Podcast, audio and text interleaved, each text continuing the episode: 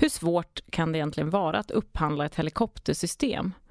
Och vad är det som gör att det tar 16 år i det ena fallet och 3 år i det andra? Kan det verkligen kosta 200 000 kronor i timmen att flyga en helikopter? Det här är Materielpodden från FMV, Försvarets materielverk. I det här avsnittet kommer du få lyssna till projektledarna Nils och Magnus som kommer berätta om sina erfarenheter från att leda två olika helikopterprojekt på FMV. Jag som lotsar er genom dagens podd heter Sara Svedvall och med mig har jag två rutinerade, engagerade och välrenommerade kollegor. Magnus Larsson och Nils Wallhed. Innan vi sätter igång så tänkte jag att eh, lyssnarna ska få lära känna er lite grann. Så jag tänkte börja med dig Nils. Mm. Eller kallas du Nisse? Det spelar eller, ingen roll. Eller Jesse? Det, det är lite blandat. På KTH-tiden så blev det Jesse. Vad är Jesse? Varför? Nej, på den tiden så var jag långhårig och jag gick omkring i långa rockar och sådär. Så jag var allmänt cool. Spelade hårdrock eh, och sen så då frågade de eh, vad heter du då Nollan på KTH? Ja, vad tror du? Ja, Jesse James sa de. Ja, visst det heter jag. Och då blev det Jesse. Då blev det Jesse. Ja. Det är aldrig någon som kallar det Ja, Min fru kallar mig Jesse. Hon gör det? Ja, fortfarande. Ja. Och mina barn. Du började redan 1992 Mm. på FMV första gången. Jag räknade ut, FMV fyller 50 år och det här var 26 år sedan, så du har varit med halva FMVs historia. Ja, nästan. Ja. Jag hade en period eh, där jag var ute på industrin och, och som konsult också. Så jag har inte varit eh, lojal hela tiden mot FMV. Men det finns några som har lockat en tillbaka och sådär. Så att det är... Mm. Men du har ju någon form jobbat mot FMV hela tiden. Det är rätt intressant att ha varit med så länge. I... Ja, jag har jobbat inom flyget sedan 92, men jag har jobbat på olika sidor då, som jag tror är rätt så bra. Man jobbar både på industrisidan och med, eller på anskaffande sidan. Är det flygplan eller helikopter som är mest intressant? Egentligen ingenting av det. Men jag tycker om häftiga, stora internationella projekt. Gärna mycket konflikter eller intresse, olika intressen, sp- spänningar och sådär. Så det, det, det är egentligen stort och, stort och jobbigt. Det Mm. tycker jag om. Stort och jobbigt. Ja. Då kommer du fortsätta på FMV med andra ord. ja, det finns utmaningar kvar. Det är bra. Magnus, har du Ja. några okända smeknamn? Ja, kanske sen min uppväxttid i, i Laxå, fem mil söder om Örebro. Då, eftersom jag egentligen är det svarta fåret i släkten. Jag skulle egentligen vara fjärde generationens konditor. Mhm. Så att jag kallas för bagaren. så att jag skulle egentligen ha drivit ett litet konditori i Mellansverige men, men det blev FMV istället. Bakar du på fritiden? Nej, det, jag har aldrig bakat i hela mitt liv. jag har aldrig behövt, det har alltid funnits eh, goda bakverk i släkten som har förts fram. Däremot så vet jag hur gott bakverk smakar. Ja. Så att jag får stå här och skämmas lite. Är det helikopter eller flygplan för dig? Det är nog egentligen både och. Båda har sina tjusningar, skillnader men också mycket likheter. Jag har ju haft förmånen att jobba med JAS-projektet i totalt ja, drygt 15 år och eh, med helikoptrar i ja, ungefär fyra år. Och båda är egentligen lika roliga.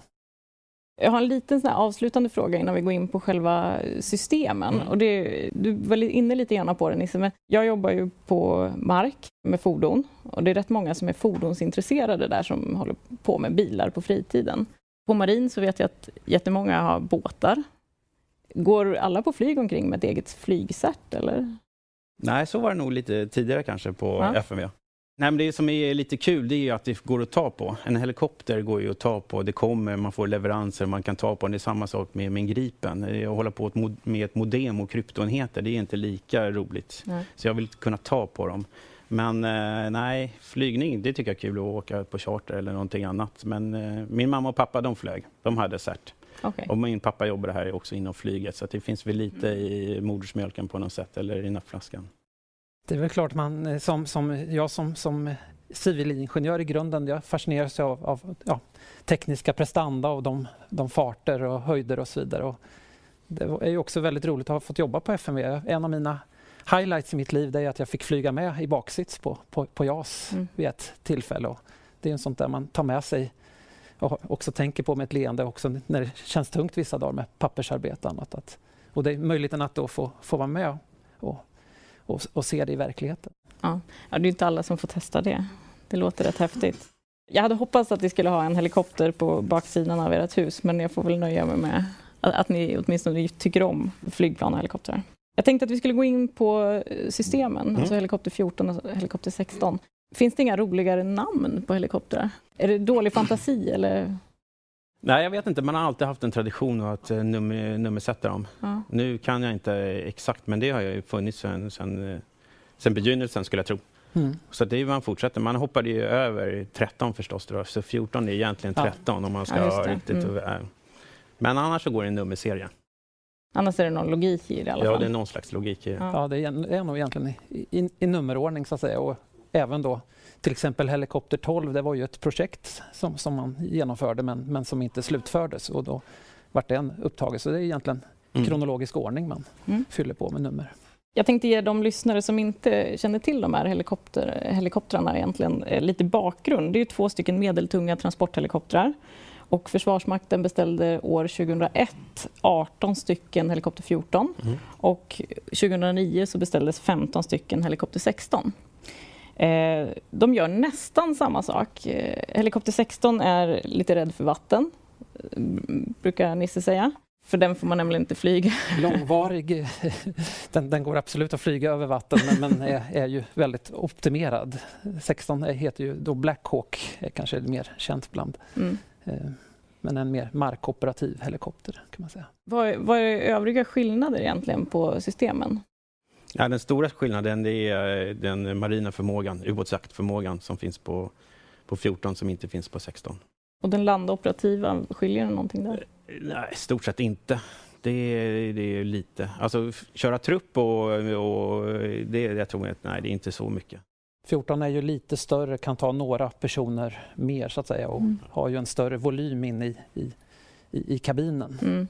Men- takhöjden då, Takhöjden är ju en sån där, En klassiker. en klassiker. Ja. Vad har vi att säga om takhöjden då? Ja, först kan man säga att takhöjden försenade aldrig programmet, utan takhöjden fanns med där från början. Så att när FMV beställde, och det, varför hade man en högre takhöjd? Jo, bara för att man tyckte att arbetsmiljön för kabinpersonalen ska vara bättre än de tidigare helikoptrarna. Mm. Så man kom fram till att det är bra att inte behöva gå på knäna och, och så vidare när man ska vinscha och ta upp för folk från, från havet och så vidare. Så då ville man ha en, en bra arbetsmiljö för dem. Och då tog man en högre helikopter, ungefär som helikopter 4 hade en hög kabin. Så det var bara det egentligen som, som gjorde det.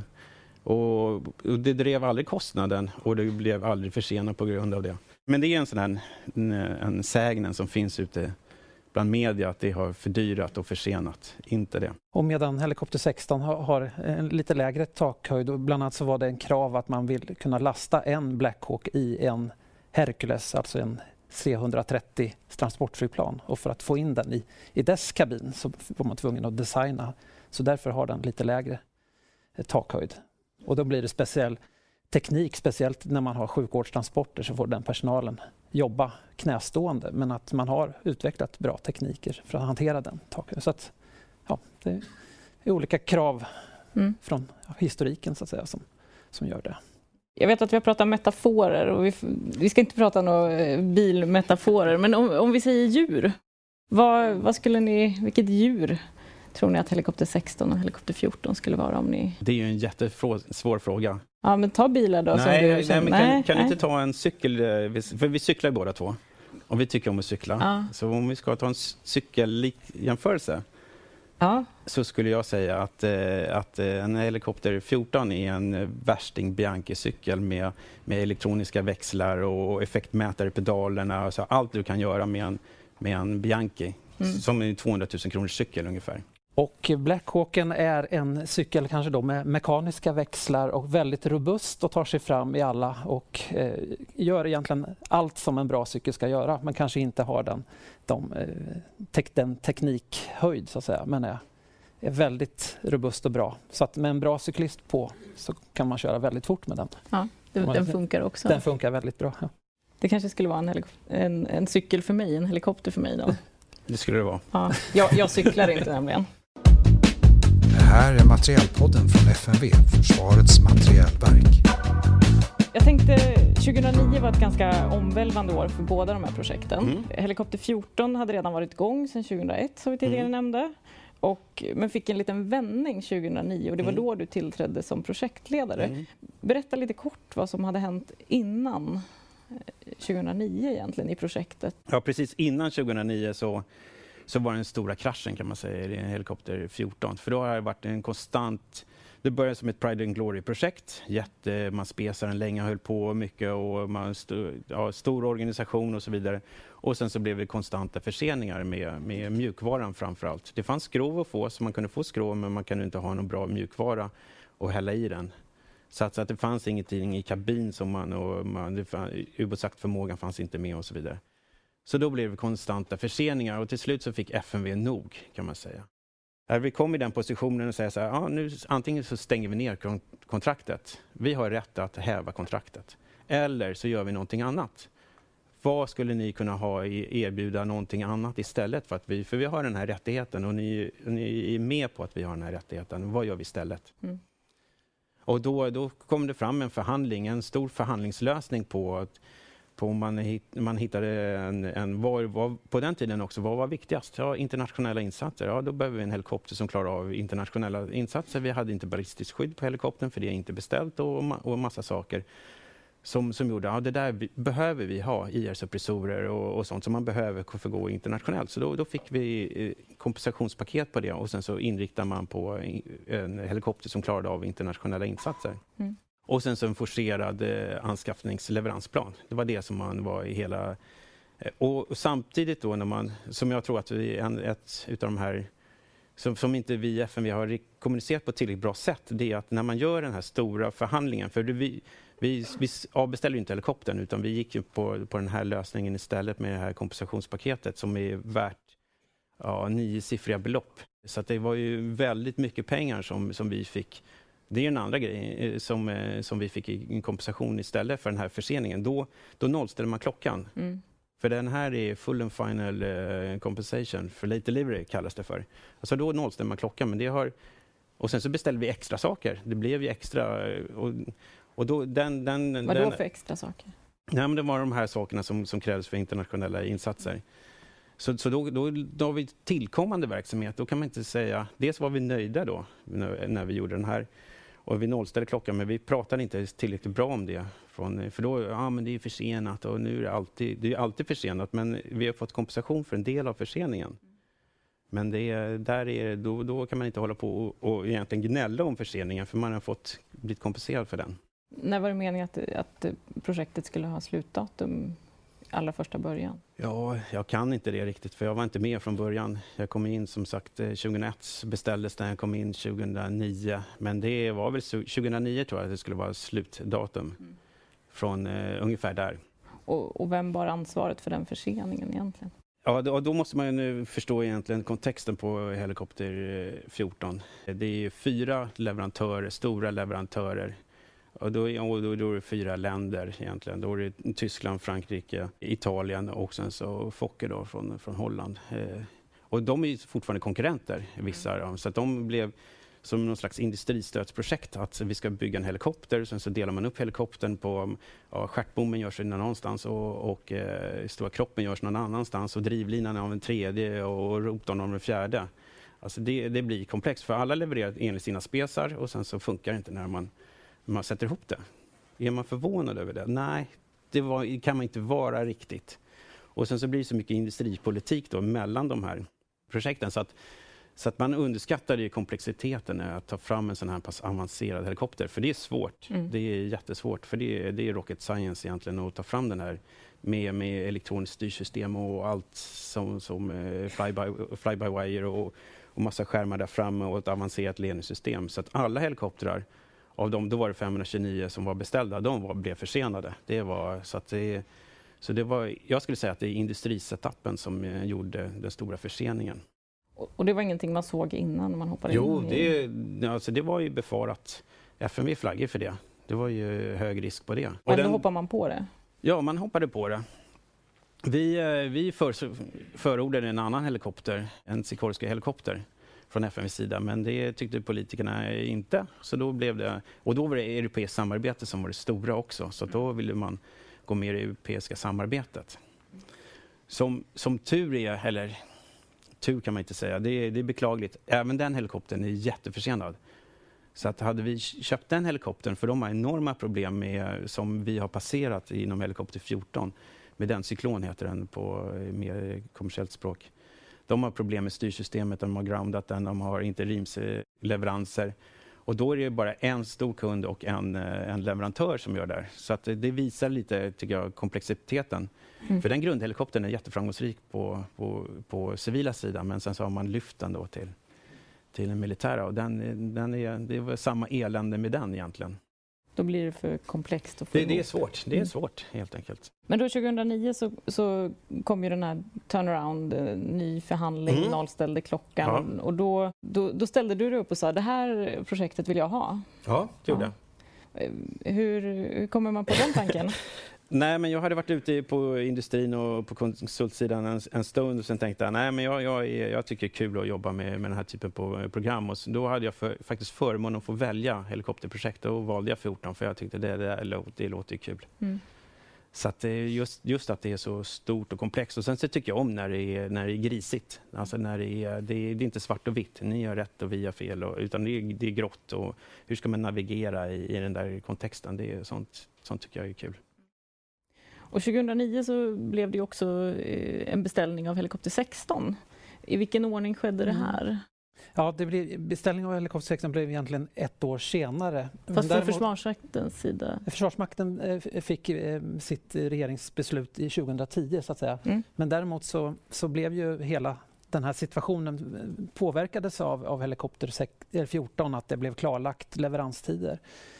Samtidigt då under hösten 2009 så, så, var det ju ja, ja, en stor mängd svenskar som var nere i Afghanistan. Internationella insatser var ju det vik viktiga eh, så att säga, på den tiden. Och eh, då blev det ett förhöjt säker säkerhetsläge.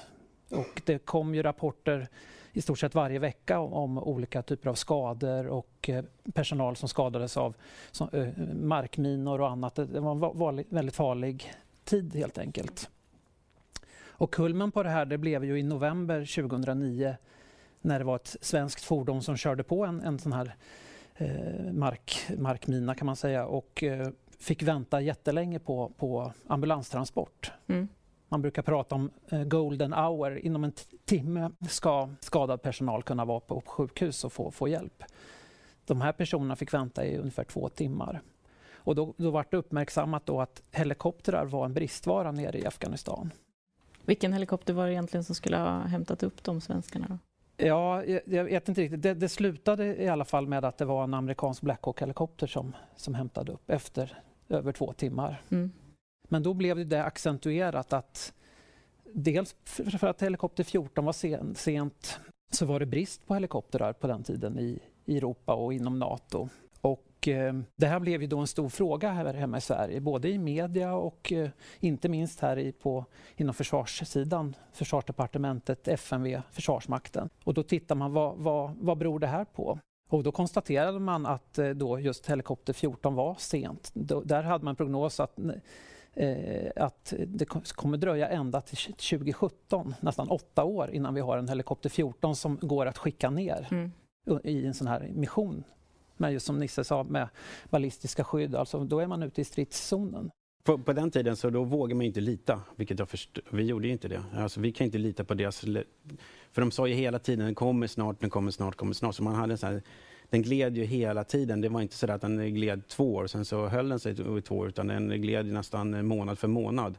Så vi vågade inte lita på NOI som skulle leverera den här helikoptern.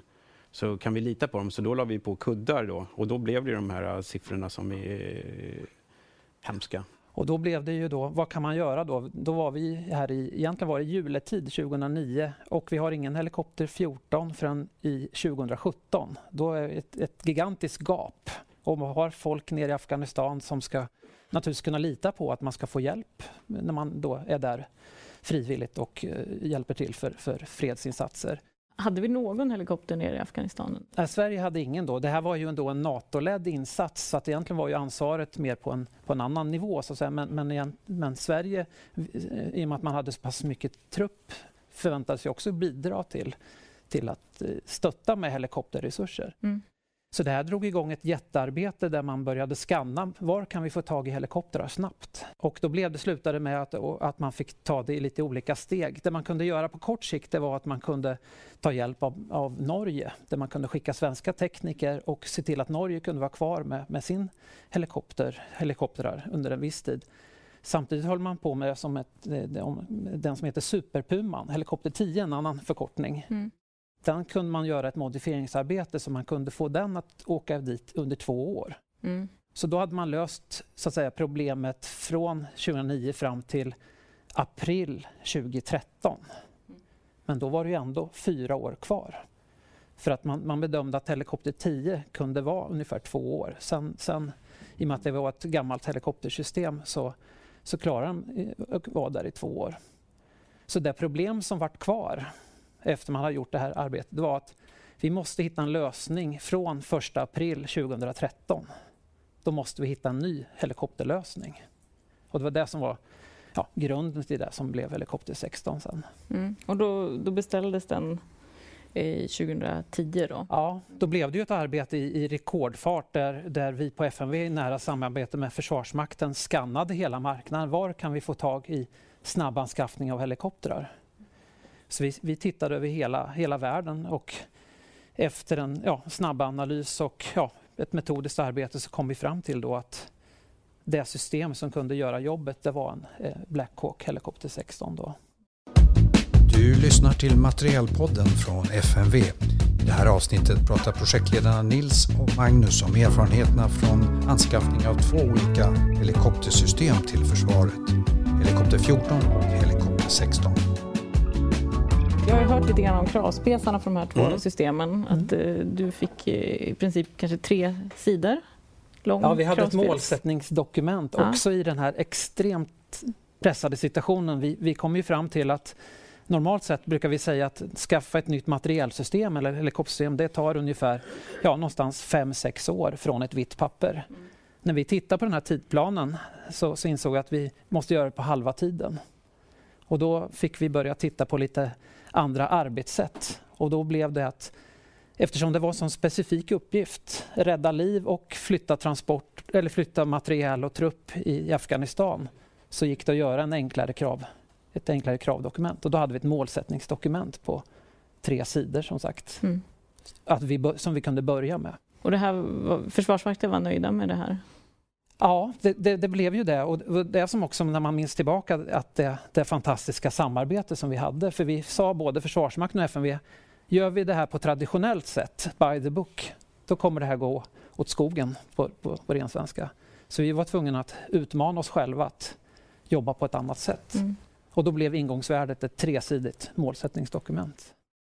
Hur kändes det här för, för Helikopter 14-projektet när det var någon som fick köra bussfilen förbi hela... Ja, men i vissa lägen så var det ju, eh, kändes det orättvist.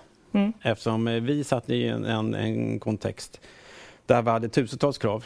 Vi hade gjort det samnordiskt, så att vi har suttit eh, ett år och skrivit en RFI och sen så fått svar. Vi har suttit ett år till och skrivit på en kravspec. Mm. Får man få krav då? Nej, man får jättemånga krav. Får man låga krav? Nej, man får höga krav. Många och höga krav, svåra krav. Alltså det blir en bra produkt, men det är, det är en smärtsam resa att, att få den här kravverifiering. under den här tiden, sen den här kraschen, så hade vi kanske 200 dokument i månaden att granska. Och då blev vi ju tidspressade för att, för då vill ju leverantören, ah, det är ert fel att ni är sena. Mm. Det, och så vi började jobba häcken av oss för, för att hinna med och granska allting så att det kommer tillbaka med alla granskningskommentarer, långa Excel-filer på om vi tyckte det var bra eller inte och så vidare. Så där hade, den, den, den resan hade vi under två års tid. Mm.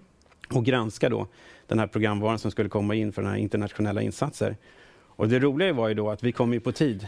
De här, den här tids, tiden, den, den träffade vi på veckan när, när vi skulle vara färdiga med, med den här kvalificeringsrundan som det, för TT10 som vår eh, konfiguration hette. Mm.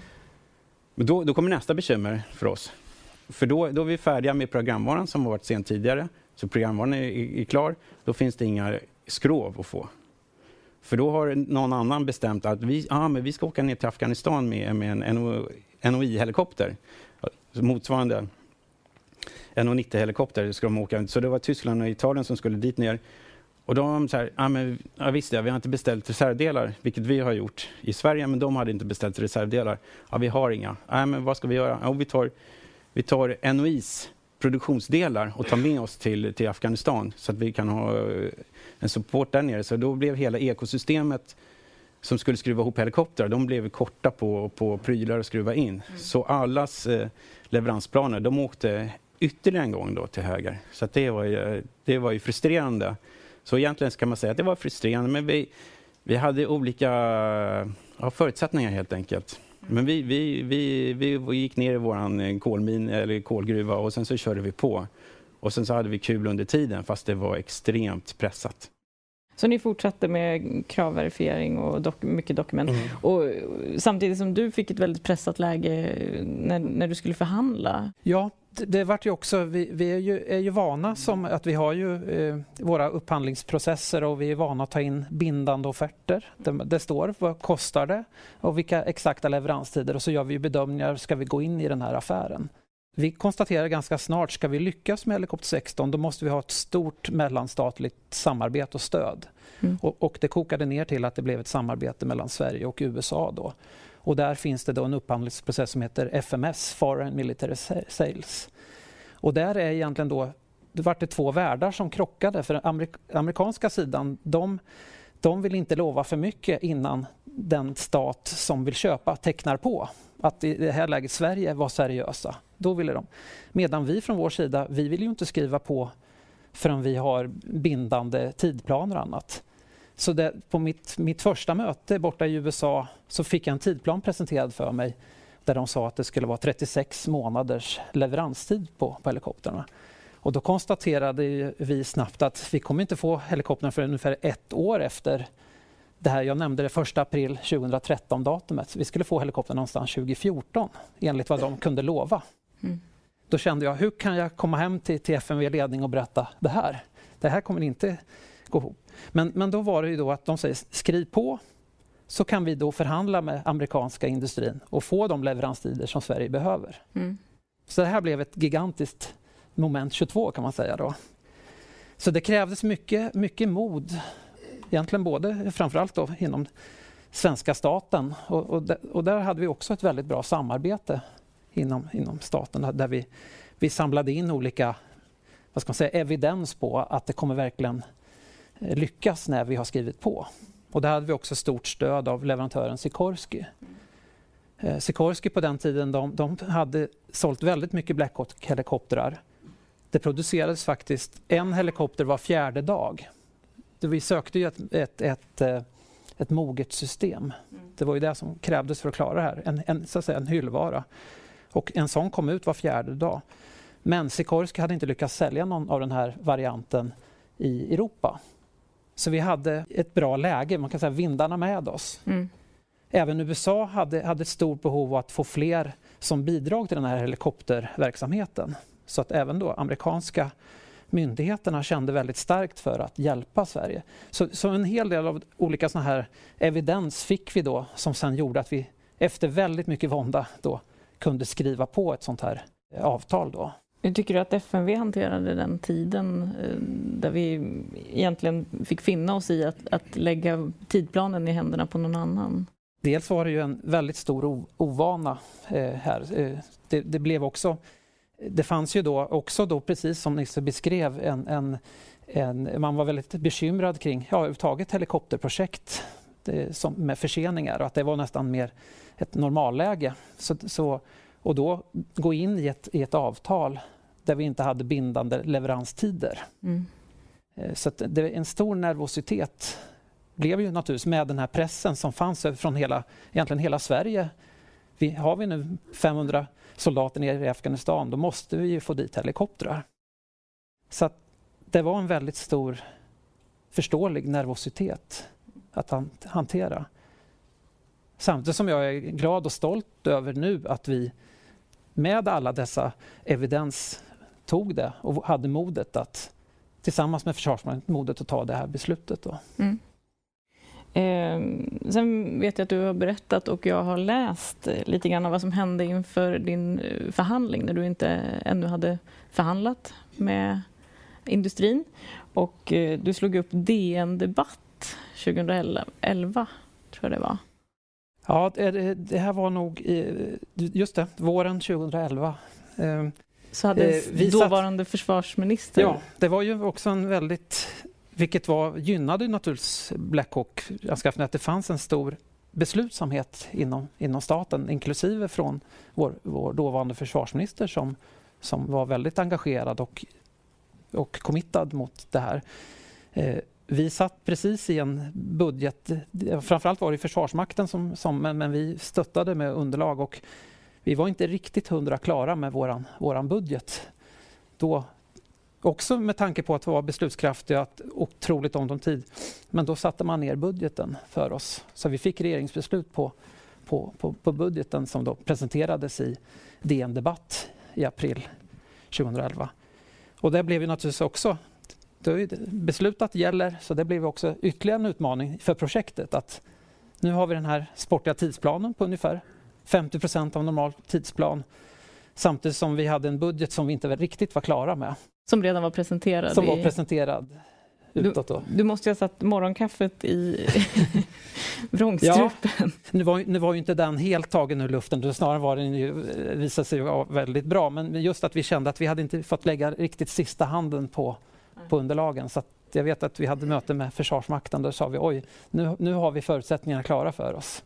Och det hade, det hade, industrin också, för ja. era förutsättningar klara? Fördelen var det att vi kunde då med, med väldigt mycket vad ska man säga, i, i, ryggen gå fram till amerikanska sidan och tala om nu har vi våran budget. Mm. Ska vi komma till Afghanistan, då är det de här pengarna som gäller.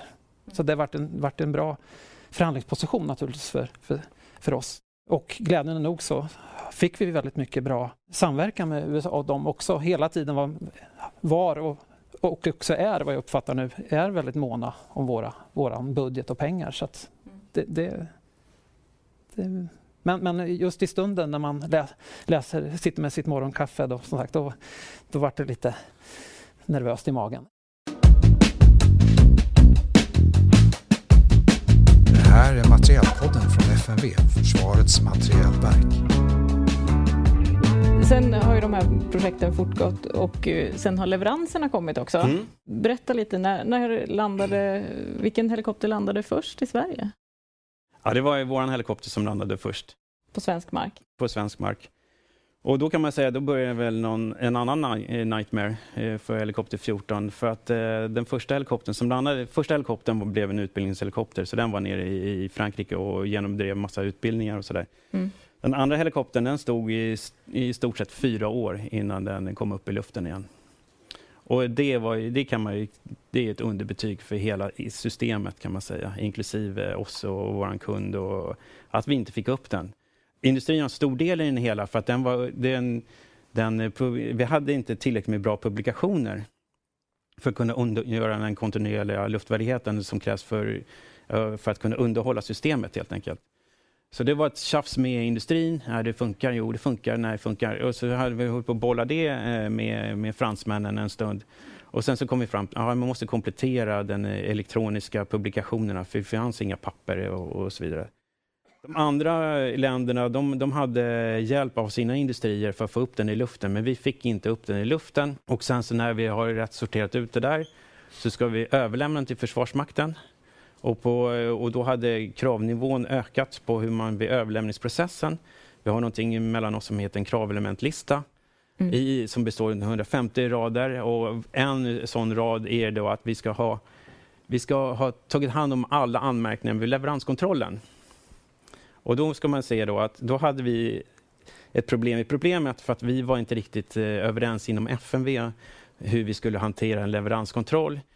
Vi på designsidan här i Stockholm, vi gjorde det. Vi åkte ner och granskar, man går, kryper omkring i helikoptrarna och, och, och tittar och, och felutfall, man tittar så att hela systemet.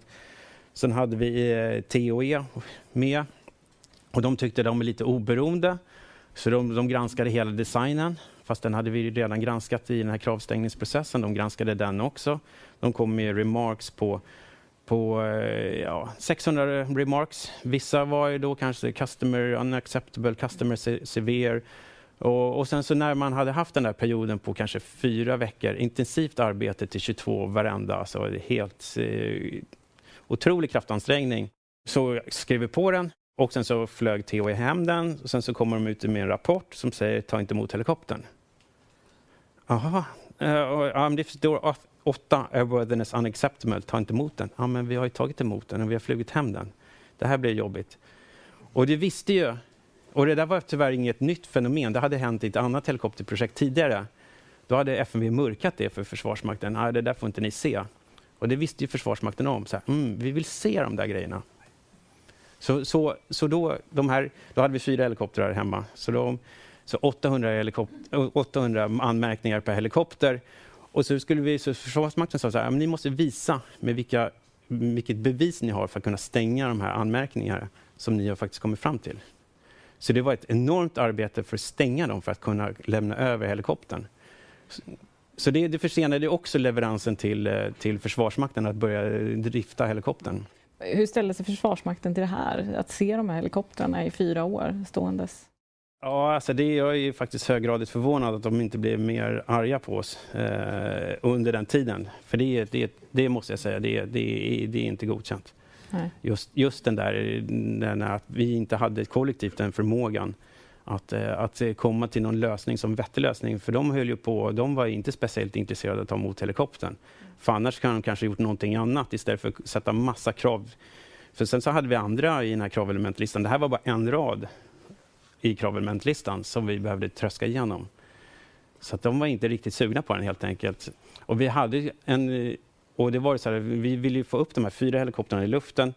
Vi tackade nej till helikopterleveranser för hade vi tagit emot fler helikoptrar då hade vi ägnat oss åt att ta emot helikoptrar och inte fått dem att börja flyga i Försvarsmakten. Så vi tackade nej till helikopterleveranser för vi har, vi har inte förmågan. Mm. Och där, där följde ju vi det när vi planerade upp projektet så vi insåg att nyckeln för att gå ner på halva tiden ungefär det var att hitta en annan leverans, eller acceptansprocess för leveranser, en annan verifieringsmetodik, en annan certifieringsprocess och, och framförallt en helt annat sätt att lämna över materiel mellan FMV och Försvarsmakten.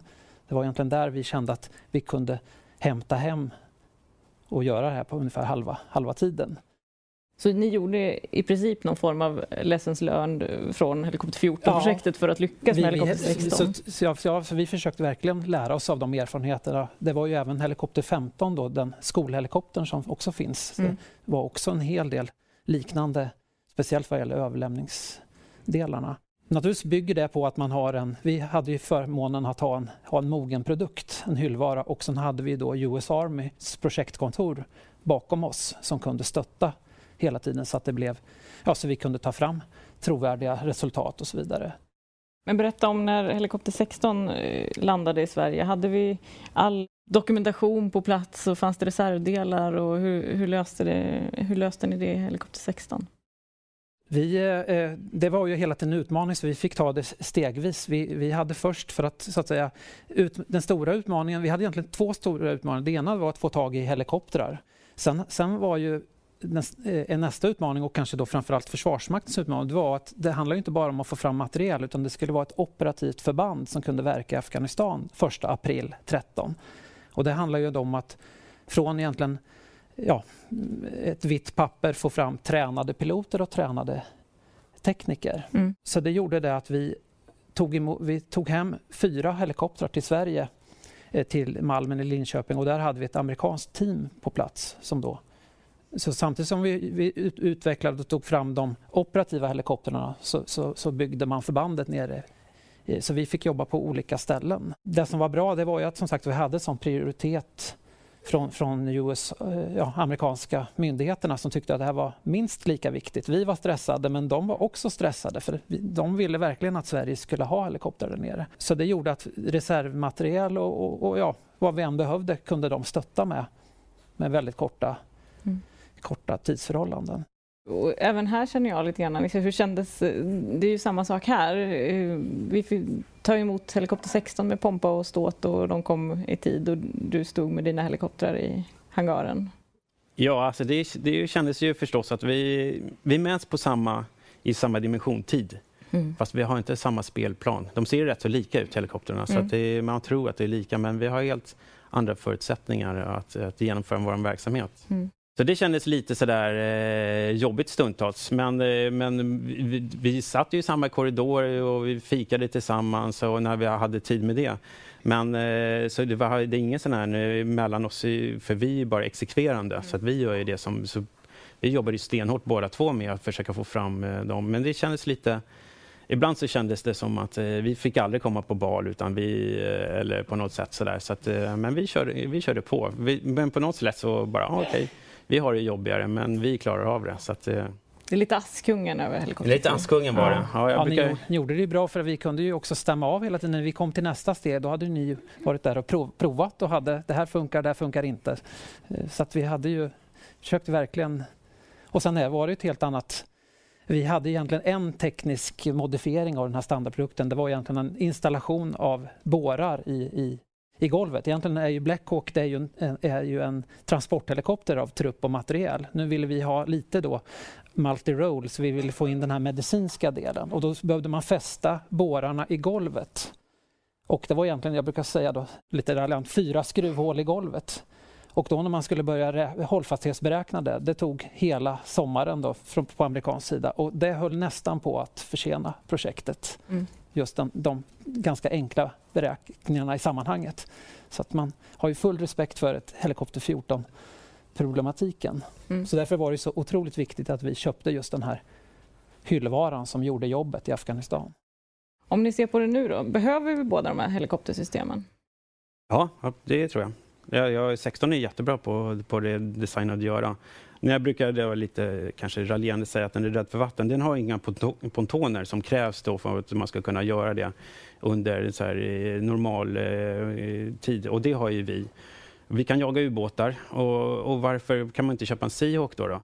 Mm. Men, och den analysen har vi gjort flera gånger också. Att, men det, för det är ett helt annat sätt att jaga ubåt på. För att Eh, det är att eh, jaga ubåt i Östersjön, det är ungefär som att eh, gå omkring och leka kurragömma med dina barn i ett nedsläckt slott med massa vrår och så, och dina barn är lika smarta som du är. Så, så de, de, flyttar sig. När du flyttar dig så flyttar de sig efter dig. Så mm. står man och, och, och lyssnar på varandra. Medan om man jagar ubåt i, i i eh, Atlanten eller någonting, så då är det blue water. Då, det, då kan man kräma på. Då har man inga grund. Utan här flyttas ubåten och lägger sig och vilar och sen så lyssnar och sen så flyttar sig lite lugnt till nästa steg. Och så, så håller man på med så här schackspel. Så, så då, då, man, då, då är det en fördel att komma med helikopter. För kan man komma, helt, helt plötsligt kan man bara trilla ner och sen så sätta en, en sonar där och, och sitta och lyssna. Mm. Så, så den behövs ju. Så den komponenten behövs i, i ubåtsjaktförmågan helt enkelt. Mm. Och, och, och då, då, den analysen som vi gjorde då, det, det var snabbaste sättet att få fram den förmågan. För man hade ju avvecklat ett tidigare helikoptersystem, den här bananhelikoptern. Så man hade ett glapp i förmågan på, på tio år, vilket också är verkligen märkvärdigt, eller märkligt. Så, eh, så, så, den analysen gjorde vi. Det var därför vi överlevde egentligen. för Det var den. Och, och det, det, det ubåtsjaktsystemet som vi har, det ledningssystemet, det är ju fantastiskt. Det är, det är ju världsklass på det. Mm. Alltså, vi är världsklass på sonaren och på den radarn som hittar periskop och, och så ledningssystemet. Det finns inget bättre. Och det kanske är det som är en problematik också. att Här köper man en, en, en, en Blackhawk, inga krav och man, man köper en COTS. Mm. Man är nöjd med det. Medan med, med 14 så har man toppspesat den. Man ska ha det värsta som finns, mm. som inte ens är utvecklat. Men behöver vi helikopter 16 då? Absolut, skulle jag säga. Den, den, har ju visat sig vara väldigt mångsidig då för, för den marksidan och den har ju då använts, bland annat så används det nu, förutom försvarets uppgifter så använder ju ja, polisen använder den mm. i princip dagligdags. Eh, även visade sig då den här stora skogsbranden för ett par år sedan så, så, så gjorde ju, var det Blackhawk där som var inne och räddade, plockade ut eh, personer som var mitt i, i, i branden. Mm. Eh, nu har man ju även då utrustat Blackhawk med, med ja, brandsläckningstunnor så att säga. Så, att, så att den kan ju, finns, har ett stort stöd även till samhället. Mm. kan ju flika in att vi, vi man tycker att, att, vi, att inom försvaret att det är mycket som är kanske nedgång men när det gäller just den här den helikopterpark vi har nu med 14, 18 stycken, 15 stycken Blackhawk och 20 stycken helikopter 15 Augusta. Eh, det är ju, det är ju en fantastisk, det är en helikopterpark i, i världsklass som, som man kan verkligen vara stolt över som, som då kan göra alla dessa uppgifter som vi pratar om.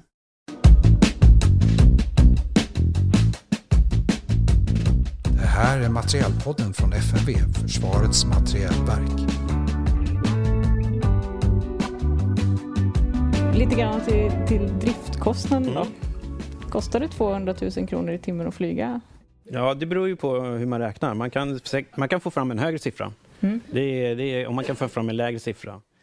Så att egentligen, det där beror ju på eh, vad kostar soppan, 4 000 kanske någonting åt det hållet. Men, men sen så beror det på hur mycket fasta kostnader man lägger in. Mm. För i den där 200 000 kronors siffran så ligger ungefär 60 eh, fasta kostnader. Så, så då, och vi hade jätteproblem med att kunna hitta någon slags jämförbar modell med, med vad ska vi räkna in? Vilka delar av de här supportkontrakten ska vi ha för att räkna där? Och sen så när det är fasta kostnader så är det också beroende på hur mycket man flyger. Flyger man en timme då blir det, då blir det nästan miljardklass på vad det kostar. Äh, inte riktigt, men det blir miljonklass på flygtimmen. Mm. Så det är, en, det, är en, det är, en, funktion av hur många flygtimmar man gör. Så att eh, 200 000, ja det gör det. Men det är, egentligen så är det lite fel som en kollega eh, poängterade för någon dag sedan. Att det är, för den kan man relatera till. Man kan sätta sig i sin bil och säga det kostar inte 200 000 kronor i timmen att köra min bil. Varför kostar det 200 000 kronor att köra en helikopter 14? Då, då kan man relatera till nyttan av den. Att, att ha en ubåtsjaktförmåga. Vad är det värt att ha en ubåtsjaktförmåga under 24-7 eh, med, med icy conditions och, och, och, stormen. För den är, och det är lite roligt också, för det är en fantastisk produkt. Mm. Den gör sitt jobb, den står stilla. När, när blåsen åker hit och dit och sjön åker hit och dit så står den stilla. Och sen så, för den, att eh, styrautomaten är, är bra också. Och den gör sitt jobb. Så vad är det värt? Är det värt 200 000 i, i timmen? Så att det är, man, man, jag tycker man ska se det på så sätt istället. Så att jag skulle säga ja, beroende på hur man räknar så absolut, det kan kosta så. Är vi, är vi nöjda med den siffran? Nej, det är vi inte nöjda med. Så det är ett FMV-arbete som så för att utmana hela supply chain-sidan, för där har vi också problem med, med det för att den är så lång. Det blir en ursprungsleverantör, OEM, som går till vad kan säga, eh, Airbus i det här fallet som går till, till en eh, NOI som går till en som är monopolist och sen så går till en annan monopolist och sen så går till oss. Så, så det kan ju bli fantastiska pålägg, mm. alltså eh, negativt. Så vi skulle kunna pressa alltså, den här det, det, är ett kontinuerligt arbete och sen så är inte helikoptern mogen som man kan, som i Black Hawk är. Så, så, här finns det också i framtiden när man underhållsintervaller, man vet hur, hur den fungerar, behöver man göra översyn var 50 timme kanske räcker med 100 timmar, snart kommer man kanske ha 200 timmar. Mm. Så, så det finns mycket att jobba med. Och, och Blackhawken, då, vad kostar den i timmen ungefär? Det, det, är också lite grann att eh, kunna göra en eh, rättvisande jämförelse så att man jämför äpplen med äpplen. Men eh, Blackhawk är ju som sagt finns i ungefär nästan, jag tror 3000 eh, exemplar i världen, väldigt många. Där finns det då US Army som, som har ja, största delen av de, de antal. Där läser man ut, då kan man läsa ut ungefär 35 000 kronor i timmen. Eh, alltså, men då har man inte vägt in det då man har vägt in i, i, i när det gäller vissa underhållsbitar. Så vi, vi, har väl sagt att någonstans runt 70 000 i, i timmen. Eh, eh, men som sagt, det blir inte... Och det beror ju också på att, att det är en tredje generationens helikopter. Man har filat på sitt underhållskoncept. Man har tagit fram och, och producerar reservmaterial och reservdelar i stora antal. Så det gör att det, man får skalfördelar helt enkelt. Mm. Men som sagt, det är inte helt Nej, lätt att för, jämföra. För 14 har ju lite mer prylar och de kostar också mer att underhålla. Ja. Den här, alltså det dyraste man kan ha på, på ett det är oftast motorn. Mm. kostar jättemycket att underhålla. Och, sen så det, och det finns två motorer på den. Det finns det på, eh, på 16 också. Och sen så är det radarn. Vi har två radarer. Och sen så har vi sonar också. Så att vi har ju mycket, på, mm. Eh, mycket, mycket prylar. Mycket uppdragsutrustning. Uppdragsutrustning som kostar mycket att underhålla. Och de har fasta kostnader. Mm. Nisse, du slutade mm. i projektet 2016 och Magnus 2014. Var systemen överlämnade och klara då? Nej, klara är de ju inte.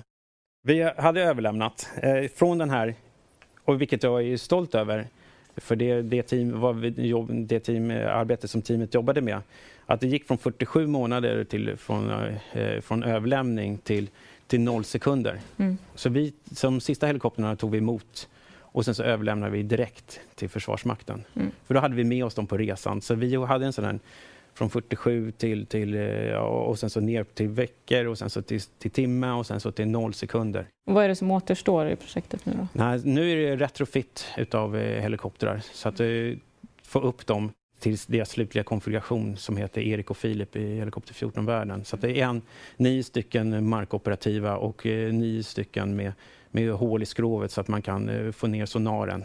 Det, det är det stora, det är den stora skillnaden mellan de två egentligen. Mm.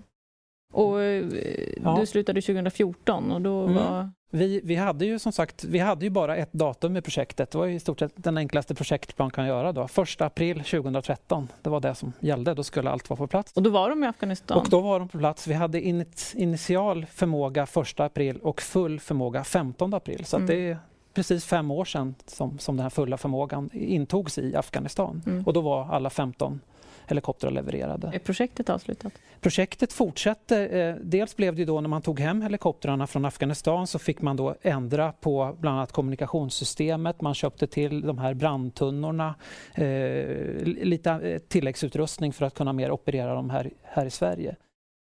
Den stora utmaningen nu det är att jobba med, med drift och vidmakthållandet, att se till nu att de här helikoptrarna kan flyga precis så mycket körningskedjan kom från USA. Det var ju fantastiskt i Afghanistan. Då, då, fick man ju över natten fick man allt vad man behövde för att man hade alltid högsta prioritet. Nu är vi en bland ungefär 30 Blackhawk-användare i världen. Så, så, det är ju sina utmaningar. Så där jobbar FMV på ett väldigt bra sätt att, att se till att man har den tillgänglighet. Mm. Så det projektet fortsätter. Jag skulle vilja att ni båda nämner vad, som, vad, ni, vad ni absolut hade gjort annorlunda om ni fick de här projekten idag. Ja, men egentligen så är just det här eh, med, med, med, med hela setupen, industrisetupen, det blir för komplext. För det finns, det finns många jobbar stenhårt och även på industrisidan, men det blir för komplext.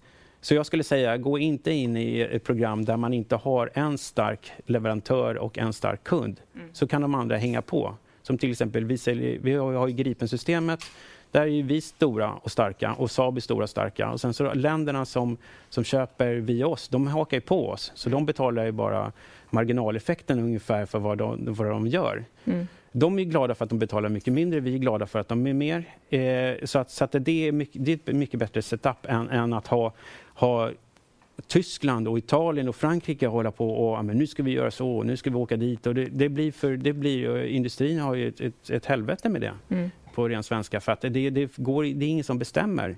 När vi lyckades få styrsel på det här så, så gick vi förbi den här leverantören. Så vi gick på, vi identifierade vem är det som bestämmer det här. Ja, då visade det sig att det var en, en kille i Tyskland. Han var chef för det där. Han hade makten.